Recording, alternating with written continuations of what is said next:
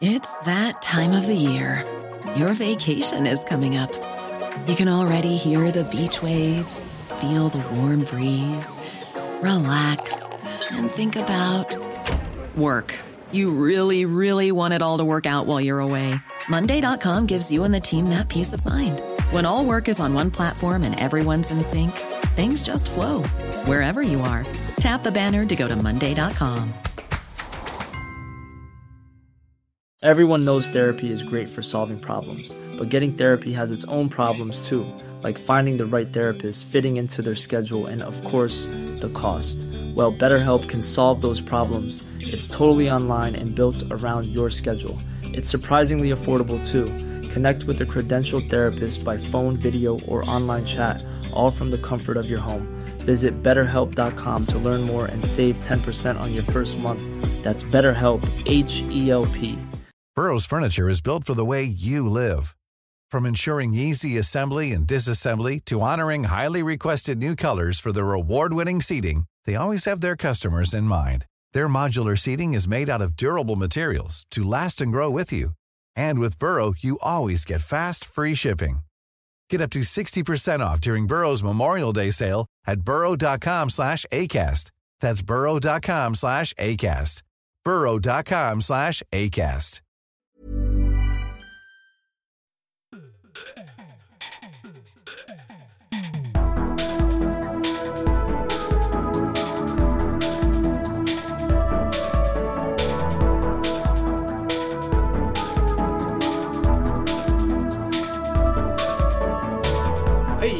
Velkommen til en ny episode av Liberaleren podkast. Og for dere kjære vakre lyttere som er vant til litt god lyd fra oss i Liberaleren podkast, så beklager jeg på det dypeste og det varmeste og det Jeg vet ikke hva mer jeg skal si. For her sitter jeg med et lite mobilt anlegg i Moss. Og det er en grunn til at jeg skal snakke med en kar her i Moss, fordi at han er ganske nært tilknyttet til Moss. I tillegg så har jeg fått et hotellrom hvor eh, togskinnene bare flyr forbi her, så det kommer nok til å komme noen lyder innimellom her, da. Kjære vakre lytter, denne episoden er spilt inn 27.6.2023. Husk det i tilfelle noe har endret seg når du lytter til denne episoden. Og det kan nok en litt tid før jeg får den ut, for her skal vi ha det gøy i det hele tatt. Vips gjerne noen frivillige kroner til Vips nummer 579172. Vips nummer 579172. Husk å gi oss en femstjerners rating i Spotify og Apple Podcast. For her, kjære vakre lytter, så sitter jeg med min gode gamle venn Ulf Isak Leirstein. Hei på deg, Ulf.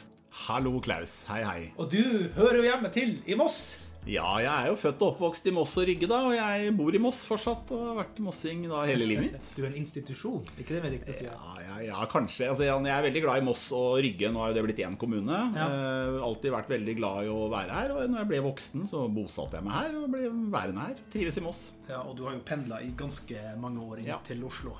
Ja da, det har jeg gjort, for jeg begynte å jobbe ganske tidlig i Oslo. Så på starten av 90-tallet. Så jeg har pendla egentlig mer eller mindre i nesten 30 år til Oslo for å jobbe. Hvor lenge hadde du permisjon fra den jobben i din stortingsjobb?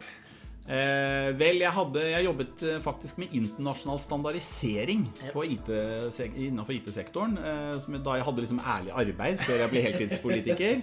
Ja. Og så tok jeg permisjon, da, for det har man jo krav på den gangen man kom på Stortinget. Og så skjønte jeg jo etter hvert, etter å ha vært en periode på Stortinget, at det, var ikke noe jobb å gå tilbake til. For jeg kunne jo snart ikke noe mer. Nei, ja. Hele verden ble digitalisert i samme Ja, altså det var en voldsom utvikling. Så jeg, når jeg ble gjenvalgt på Stortinget i min andre periode, så valgte jeg faktisk å si opp den jobben. For Ja. jeg, av respekt for arbeidsgiver, så det ikke jeg skulle komme tilbake, og hva skulle hun bruke meg til. Og så ble jeg jo på Stortinget i, i 16 år. Så Ja.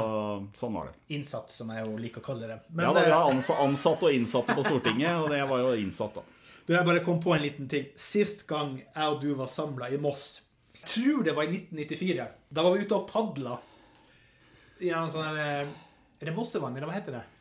Ja, så vi var, Kanskje vi var på i Vannsjø? Vannsjø. Det kan godt vi Ja. padla med kano i noe eh, Ja, og da var vi kanskje i Vannsjø, som er en uh, fantastisk rekreasjonsområde her i byen. Jeg kan det Eh, bare for Mossevann, men det er sikkert ikke riktig. sånn. Nei, nei, nei, jeg tror ikke du kaller det det. Uh, Men, uh, men når du er tilbake på 90-tallet, så var jo Moss kjent tror jeg, for to ting. Lukt. Eh, Det var mosselukta. eh, Og vi sitter jo nå faktisk på dette nye hotellet i Moss, eh, Ja. som er bygd på denne tomta hvor mosselukta kom fra. Og enda kjenner vi den ikke, så det rydder godt. Ja, for det, dessverre, får noen si, da, så Ja. gikk jo Petersson over ende, som Ja. da lagde cellulose, og var den som sto bak Mosselukta. Men det, Ja. Så den, denne fabrikken er jo borte nå. For det- lukta er jo borte for mange mange år siden. Og så var vi vel kjent for Mossekråka, tror jeg, på, på byvåpenet. Ja. Mm. Og eh, vi er jo da på hotell Riviera på SMB Norge sin eh, internasjonale SMB-dagfeiring. Og full sal. Masse god politisk debatt. Det har vært veldig gøy. Vi skal komme tilbake til en av dine Ja, for du er jo på en måte i politikken igjen. Ja, nå har jeg, jeg begynt å jobbe i SMB Norge. Jeg har vært tillitsvalgt i SMB Norge noen år. Eh, Ja. Og så har jeg da begynt å jobbe her som, som rådgiver. Så, Mm. Og da jobber man jo med næringspolitikk. Så jeg jo jobber med politikk, men ikke med partipolitikk. Nei, men du har jo et medlemskap igjen i et parti, så men vi kan komme inn Ja, det har jeg for så vidt. Men eh, jeg er ikke veldig aktiv der, da. Det er jeg ikke. Nei. Men jeg må bare få si en ting. eh, Og eh, i fjor sommer ja, Vi har møttes litt opp gjennom årene. Mm. Som tidligere FPU-formenn og sånn, så blir vi invitert litt her og der. Og ja, nå er det vel en fem-seks år siden sist vi var på landsmøte til FPU, husker jeg, med Robert Eriksson. Stemmer. Ja. stemmer. Vi har vært på sommerleirer til FPU Ja. mens vi var eh, medlem der, begge Ja. to. Altså i Fremskrittspartiet og. FPU. Og så blir man invitert også når man ikke var medlem, tror jeg. Altså, så man blir invitert som tidligere FPU-formann. Det var en eksklusiv klubb. Veldig eksklusiv ja, klubb, da. ja. Men i fjor sommer så møttes vi igjen på Midtåsen i Sandefjord på tilsvarende dag som det her. SMB-dagen, internasjonale SMB-dagen, som jo FN har eh, satt sammen. Så det er jo noe som Jørund Rytman, eh, vår gode venn, har tatt tak i og, og skapt. Og eh, bra eh, uttellinger med folk og engasjement i dag, og gode debatter og gode innlegg og i det hele tatt formuesskatt, skatt. I det hele tatt, veldig bra dag. Veldig bra dag. Eh, Vi har jo hatt næringsministeren her. Og for SMB Norge så er det jo viktig å ha god dialog uansett hvem som er i regjering. Yes. Og det er klart at eh, i Som ba om minnestemme. Han ba om minnestemme. Han ba minnestemme i debatten, men han er jo en god, god debattant, og han har mye meninger. Men han har også, det skal han ha kred for, ja. selv, om, selv om han er Arbeiderpartiet. Han har en åpen dør, og han Ja. har vært næringslivsleder. Han vet hva en del bedrifter sliter med, så han er interessert i å lytte på, Ja. på, på næringslivsledere og de som eh, annet driver da, vi som driver SMB Norge og driver med næringspolitikk. Så han, eh, han har en åpen dør-politikk, og det skal han ha kred for. Ja, og, eh, han skal ha kred, fordi han eh, veldig ofte stiller opp sjøl. Og han har nok, nok veldig mange henvendelser, men han er ofte på våre arrangement, sender hilsninger og er med. Og i det hele tatt. Og så er det en som faktisk er superracer, og som alltid stiller opp. Det er Alfred Bjørlo i Venstre, som også var i dag. Og veldig engasjert for de eh, næringspolitiske interessene som ofte sammenfaller med det SMB Norge står for. da. Ja, det gjør det. Al- Alfred Bjørlo fra Venstre er en fantastisk næringspolitiker. Eh, Yes. Jeg tar av meg hatten for han. Eh, Veldig engasjert, men han kan det han snakker om. Altså, han er, Tidligere ordfører også, han har satt seg inn på mange Ja, han har vært opptatt av å legge til rette for, for næringsliv i stat kommune. Og han, mm. Så han er en veldig god støttespiller for, for næringsdrivende. Mm. Og han er nok en viktig person for partiet Venstre for å få virkelig få satt næringspolitikk på dagsordenen. Han er dyktig. Ja, og jeg håper virkelig også at han uh, vinner frem i mye av det interne. Det partiet er jeg medlem i nå, da. Det er helt det. Det, skal bare inn på litt grann, eh, Vi skal ikke grave dypt inn og vonde sår osv. Men jeg kom på en liten ting, og det var derfor jeg spurte også. Egentlig hadde jeg spurt deg i dag uansett. Som en, må alltid ha med seg opptaksutstyret. Selv om igjen, jeg beklager til våre gode lyttere. Det blir ikke de vanlige studioårlydene her, men det tåler vi. Um, Ulf pendler jo eh, toget inn til Oslo, vil gjerne ha sånne korte snutter. Hvor lang tid tar toget? Eh, Nå tar jo toget bare 32 minutter. Så det, Det klarer vi. vi Ja, klarer ja, så jeg pleier å, pleier å høre på deg da på podkasten, men eh, når det blir veldig langt, så er det ikke alltid jeg får hørt uh... Ferdig. Nei, det gjør ikke. Så jeg, jeg liker snutter som er da under en halvtime. Det Ja. er det beste. Ja. Nei, altså, vi snakka med Lars Petter Solås her nede tidligere i dag. Og det fikk meg til å tenke litt på en ting jeg fikk så vidt snakka litt med deg om i fjor sommer. Og det er det at når du var gjennom litt eh, ja, omstendigheter og ting som endra seg i livet ditt, eh, så var jeg ikke god nok til å stille opp for deg. Det beklager jeg, og det syns jeg er leit, og det syns jeg er dumt, og det syns jeg er teit. Men jeg syns jo vi er gode og varme igjen nå, håper jeg.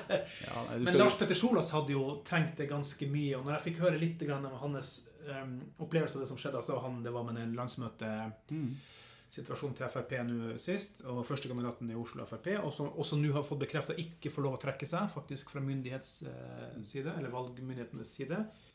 De menneskelige perspektivene, det var de jeg ville prate litt med deg om. Hva tenker du om det?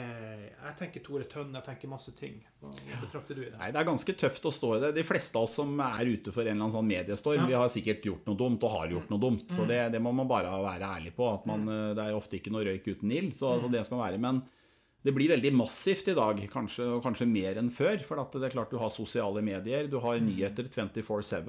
Eh, tilbake på 90-tallet, hadde når, du og jeg var politikere samtidig, så klart at da var det avisene kom vel ut på ettermiddagen, og det var en- et par nyhetssendinger på kvelden. Nå er det veldig massivt, i tillegg til at du har denne gapestokken som er sosiale medier. Og hvor nettrollene dessverre radierer mest. Så de får lov å Ja. ut mot saken. Ja, det er klart, og det kan være veldig tøft. Så jeg tror man glemmer ofte at det er de som har eventuelt da blir utsatt for det, og med rette eller urette, altså alt etter fra Ja. hva man har gjort. Så det er klart at det er en voldsom storm å stå i. Ja. Eh, I tillegg til at du har familie, venner. Eh, og det er klart at du Det er en kjempepåkjenning. Så det er klart at når når jeg så denne saken med, med Lars Petter, som er en person jeg kjenner godt, så er det klart at det første jeg gjorde, var jo å sende en melding og Ja. håpe at det går bra med ham. Han bare ringer hvis det er noe.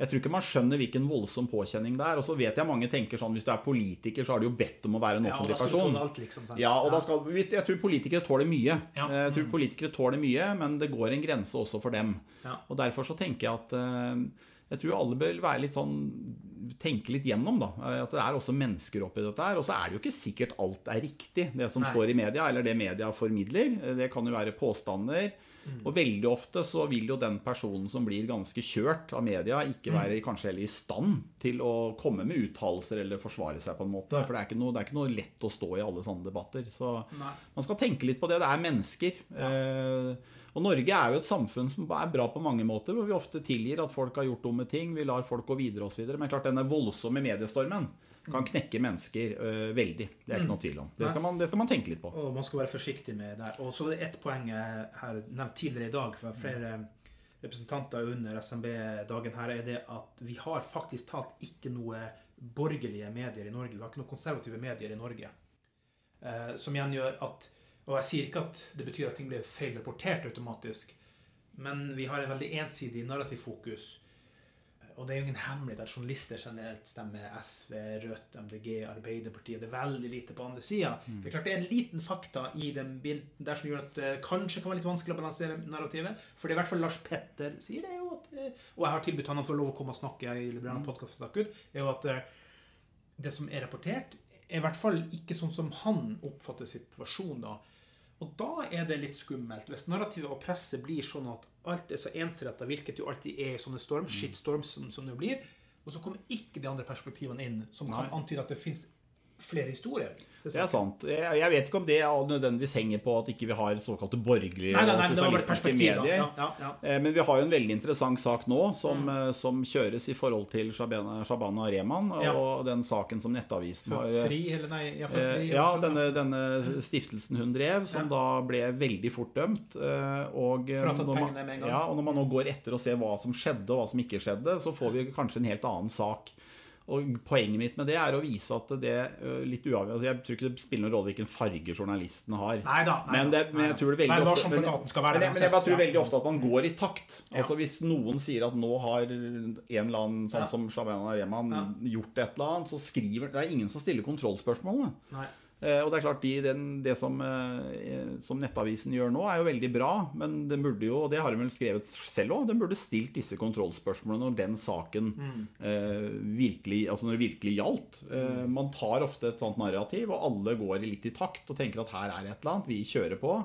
Eh, så man savner vel ofte det at noen kanskje stiller de kontrollspørsmålene i sånne saker. Det var en sak som gikk veldig galt, det er ikke noe tvil om når du ser hva avisen avdekker nå i ettertid. Ja, og det er jo veldig trist, for det fikk jo ikke hun oppleve. Nei, og til og med ble hengt ut for at du angivelig brukte penger fra staten eller det offentlige, som ikke var penger fra det offentlige Nei. og staten, så, som altså var da fra en annen stiftelse, var det vel. Så det er klart at her er det veldig mye i saken, som jeg er veldig glad for på sånn ettertid går igjennom. Men, eh, men jeg håper, da eh, For jeg tror jo på det gode i mennesker, også journalister, så jeg håper at når man ser at her har man gjort feil, at det kanskje i hvert fall bidrar til noe tankesett da, om at man ikke alltid bare automatisk kjøper den første storyen som går, og at alle går i takt. Men at noen stiller kontrollspørsmål, da, det tror jeg aldri hadde stått seg. Ja, altså det som er Som du var inne på når, når vi var unge og når vi var i aktiv i politikken Selvfølgelig du holdt ut mye lenger enn meg, men det var jo det at vi satt jo og venta på hvordan det ble i avisa dagen etterpå. Vi hadde jo ikke noe til å komme rett ut nå, sånn som nå, som er et ufattelig mye større trykk å stå i.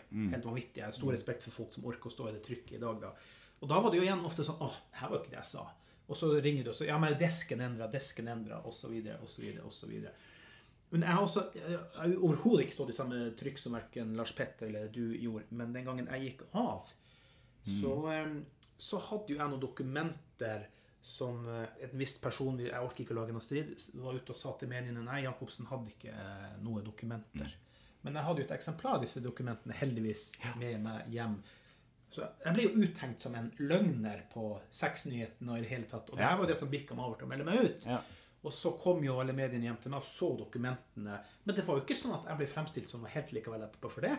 Så var Nei. jeg stempla som en løgner eller tu. Og så var det var faktisk en som hadde faktisk rett i det Ja. som var skjedd. Og så er det er ofte så sånn- og så tror jeg Sannheten ikke nødvendigvis kommer ut engang. Nei, det bør ikke være det. Og så tenker jeg sånn at det er, i hvert fall kanskje nå mer enn noen gang når det er så massivt med nyheter hele tiden, Ja. så tror jeg veldig mange, inkludert meg selv, eh, blir litt sånn litt lei. Så du leser overskrifter, du leser kanskje ingressen, men du sitter ikke og leser sakene. Nei. Og du leser i hvert fall ikke den korrigeringen eller oppfølgingen som kommer dagen etterpå, eller dag tre eller dag sju.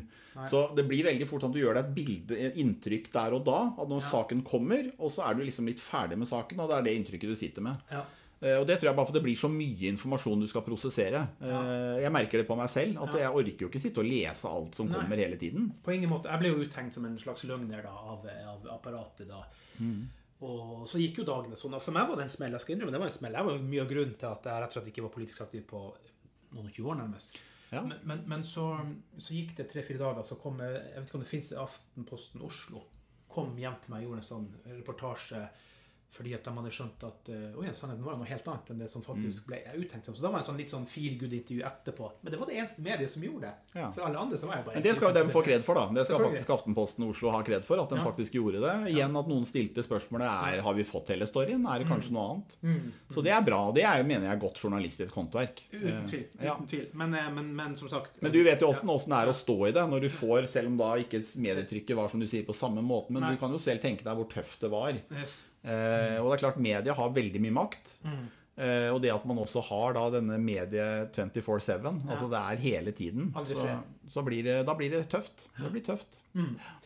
Hva vil du si nå eh, om SMB Norge og det Jørund har dratt i gang? For Jørund er jo en sånn der en, eh, skal vi si, en liten blekksprut som tar armene rundt alt og alle i enhver situasjon, og som kanskje nesten er for åpen og rund i og har nettverkene overalt, hvilket jeg digger på alle mulige vis. Men jeg vil si om Jørund, som jo også ja, har dratt inn deg og dratt inn mange andre? Dratt inn, dratt, er en nettverksmann uten like. Ja, veldig, og veldig god egenskap. Eh, og det er jo veldig bra for en sånn organisasjon nå, hvor han da har kontakter overalt. Yes. Eh, og det er klart at det er kjempebra. og og veldig hyggelig at han satser på sånne som deg og meg, Klaus. Eh, At han tror at vi har noe å tilføre. Ja, det skal han jo Jeg mener det er en god egenskap, så får andre vurdere om det er en dårlig egenskap. At han satser på sånne som deg og meg. Men det er klart han han har jo møtt masse mennesker, han, opp, Ja. og- akkurat som oss, opp gjennom livet. Og han ser at man har, her har man folk som kan gjøre en jobb på det, eller en jobb på det, og så knytter han seg, eh, dem til seg. Og det er jo veldig fordel, tror jeg, da. Ja. Eh, og så har man jo da klart å skape en organisasjon i dag som ikke er sånn at alle er fra ett part politisk parti, for det skal Nei. jo ikke en sånn organisasjon være. Nei. Mange forskjellige politiske bakgrunner, andre forskjellige yrkesmessige bakgrunner. Mm.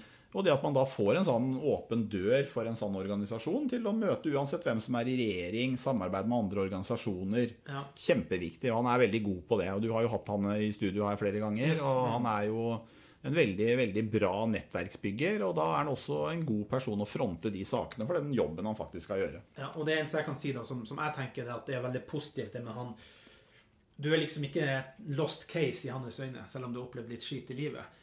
Og, og, og Sånn må vi nesten tenke noen ganger. Og Nå sier ikke at alt skal tilgives og være unnskyldes, ikke det jeg sier, men det er noe med at hvem skal plukke opp smulene når de ligger der på gulvet? Noen må gjøre det, og der er Jørn veldig god, synes jeg. Veldig god menneskelig egenskap. Veldig bra. og at han, Nei, altså mange har gjort, mange av oss har gjort dumme ting, og det, det skal man jo selvfølgelig stå til rette for. Men det er jo sånn i Norge at du kan jo ikke, skal du stå til rette for det hele livet.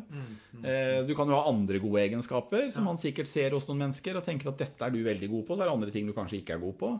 Eh, Men en sånn person som han er jo veldig bra for Ja. å få folk til å virke sammen og lage en god organisasjon. og det er Man kan jo lese side opp og side ned med en sånn organisasjonsteori.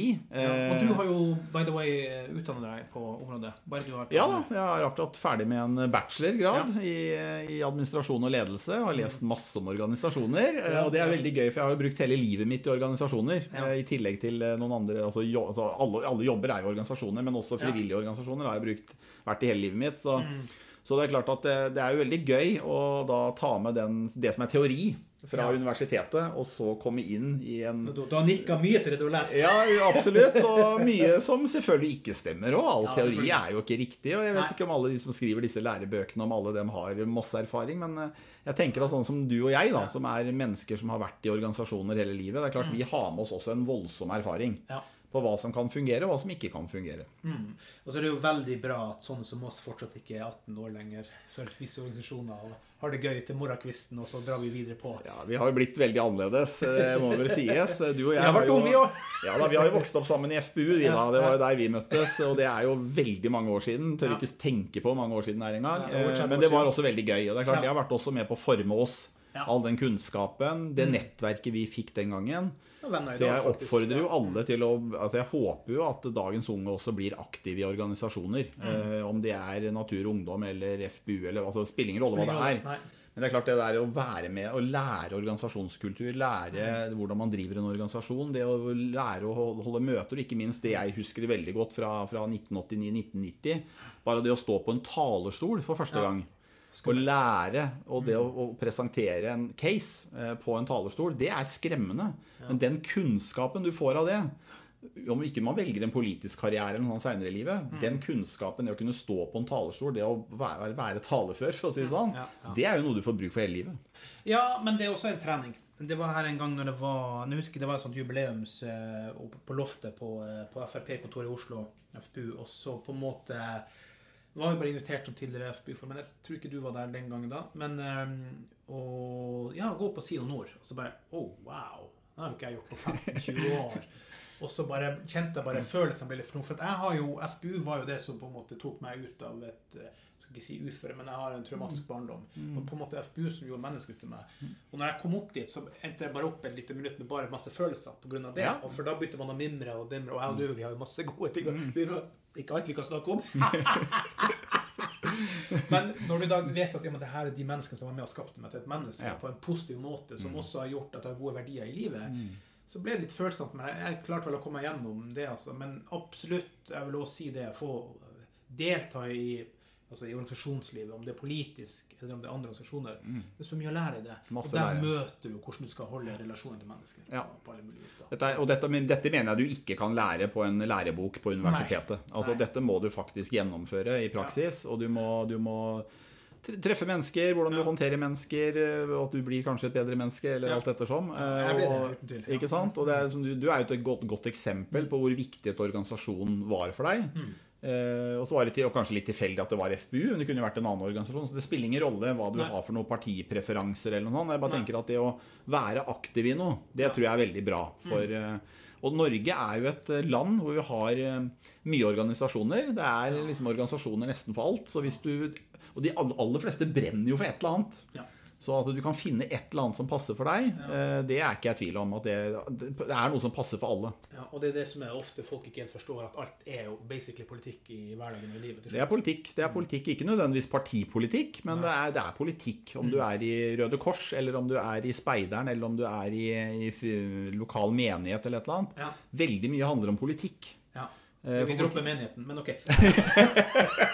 Ja, Kanskje det er der vi ender opp til slutt, eh, Klaus. Vi får ta en ny podkast om 30 år og se hvor vi er da. Jeg husker Hvis vi går 30 år tilbake i tid, så husker jeg at vi ofte debatterte Vi var jo litt unge, da. Vi Ja. de debatterte litt flåsete med de andre som hadde veldig religiøse overbevisninger, husker jeg nå. Kom som et minne opp da. Da var man jo ikke da de snilleste bestandig. Nei, vi var jo, husk at vi var jo veldig liberalister Yes. eh, den gangen. Vi var veldig, sånn, veldig frihetselskende mennesker som mente at du skulle være fritt på alt mulig. Og da så man vel ofte litt sånn Kanskje i hvert fall en del av det som skjedde innenfor religion og sånn, at det ble jo veldig motsatt av det Ja. som var eh, liberalismen da, som ideologi. Ja. Så det var nok mye debatter om det. Men jeg husker også at vi hadde jo folk som var religiøse, som Ja. også var i Fremskrittspartiets Ungdom. Ja. mm. Så det, det er eh, man, Jeg tror man kan finne seg en plass eh, for de aller fleste i forskjellige organisasjoner. ja. Vi skal gå inn for landing ganske snart, Ulf, da. Men eh, Du er jo nå medlem her i Moss Høyre. Ja, stemmer. Mm. Og godeste Arve Juritzen var jo da debattant i dag hos oss. og Jeg syns han gjorde en veldig god figur eh, som en god Høyre-representant. Mm. Og som han sier at nå ting ifølge han da gått så gærent i forhold til næringslivspolitikk og hva som er mulig å, eh, å gjøre for, for næringslivet, at eh, nå kan jeg ikke bare sitte og klage, nå må jeg gjøre noe. da. Ditt eh, politiske liv, da. Du er jo også aktiv i Røde Kors, er ikke det? Ja, jeg er nestleder i Moss Røde Kors. Ja. Hvor, er det du får utløp for dine politiske engasjementer nå i forhold til SMB Norge, Røde Kors, Høyre? Er det nok for deg, eller eh, hva tenker du om Ja, nei, jeg er egentlig- brennende politiske hjertet? Ja, nei, Jeg kommer alltid til å være politisk engasjert. For det har jeg vært hele livet. Fra jeg var eh, 15-16 år gammel og meldte meg inn i noe som het Ungdom mot dyreforsøk. Det var den første, første organisasjonen jeg ble med i, før jeg ble med i Fremskrittspartiets Ungdom. Eh, Så jeg har vært i organisasjoner hele livet, eh, og det er helt riktig at jeg er blitt medlem av Moss Høyre nå, men jeg er bare en menig medlem. Eh, Jeg har tru på den gjengen som, som, som styrer Moss Høyre og skal drive politikk i hjembyen min.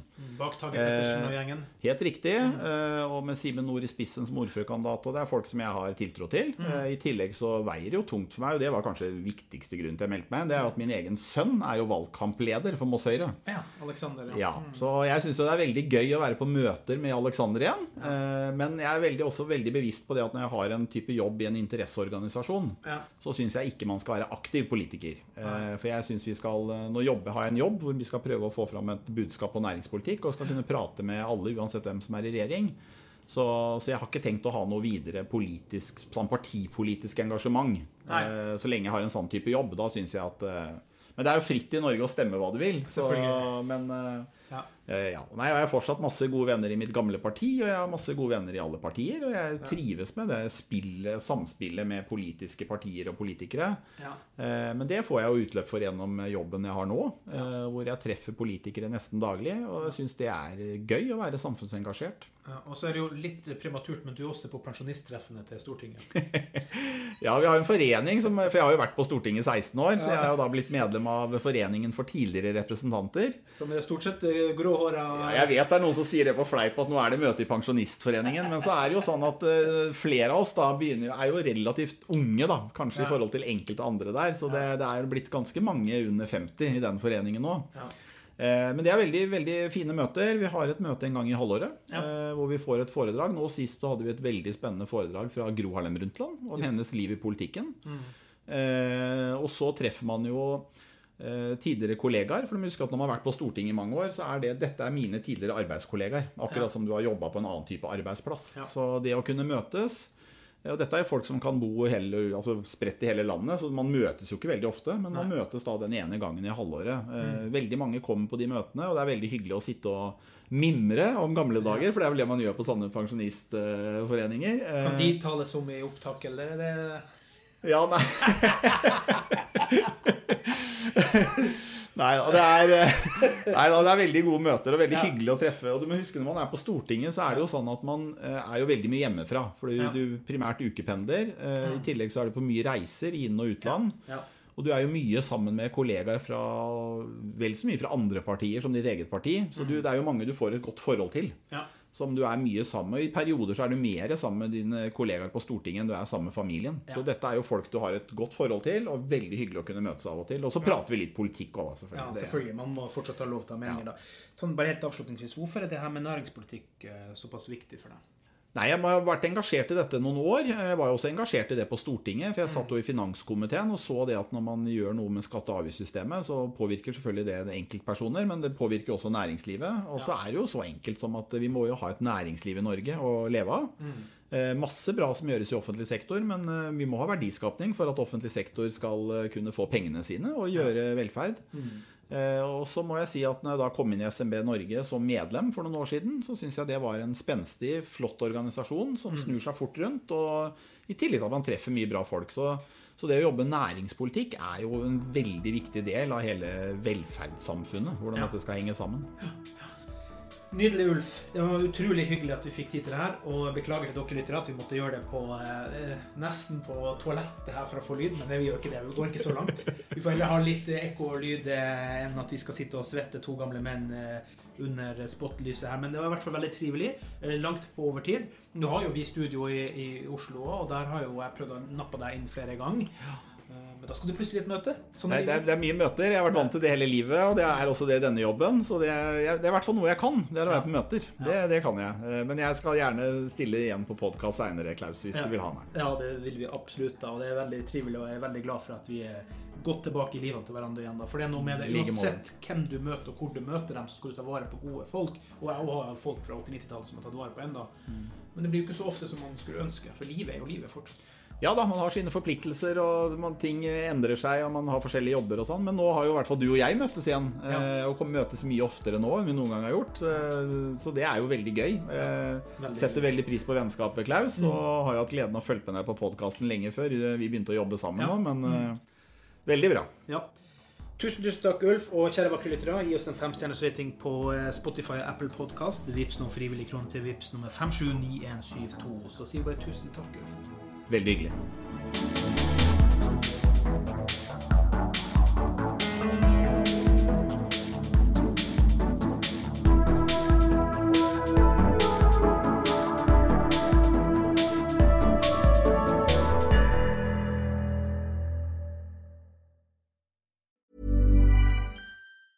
Hi, I'm Daniel, founder of Pretty Litter. Did you know cats tend to hide symptoms of sickness and pain? I learned this the hard way after losing my cat, Gingy. So I created Pretty Litter, a health monitoring litter that helps detect early signs of illness by changing colors, saving you money and potentially your cat's life. Pretty Litter is veterinarian developed, and it's the easiest way to keep tabs on your fur baby's health right at home. Go to prettylitter.com and use code ACAST for 20% off your first order and a free cat toy. Terms and conditions apply. See site for details. Even when we're on a budget, we still deserve nice things. Quince is a place to scoop up stunning high-end goods for 50 to 80% less than similar brands. They have buttery soft cashmere sweaters starting at $50, luxurious Italian leather bags, and so much more.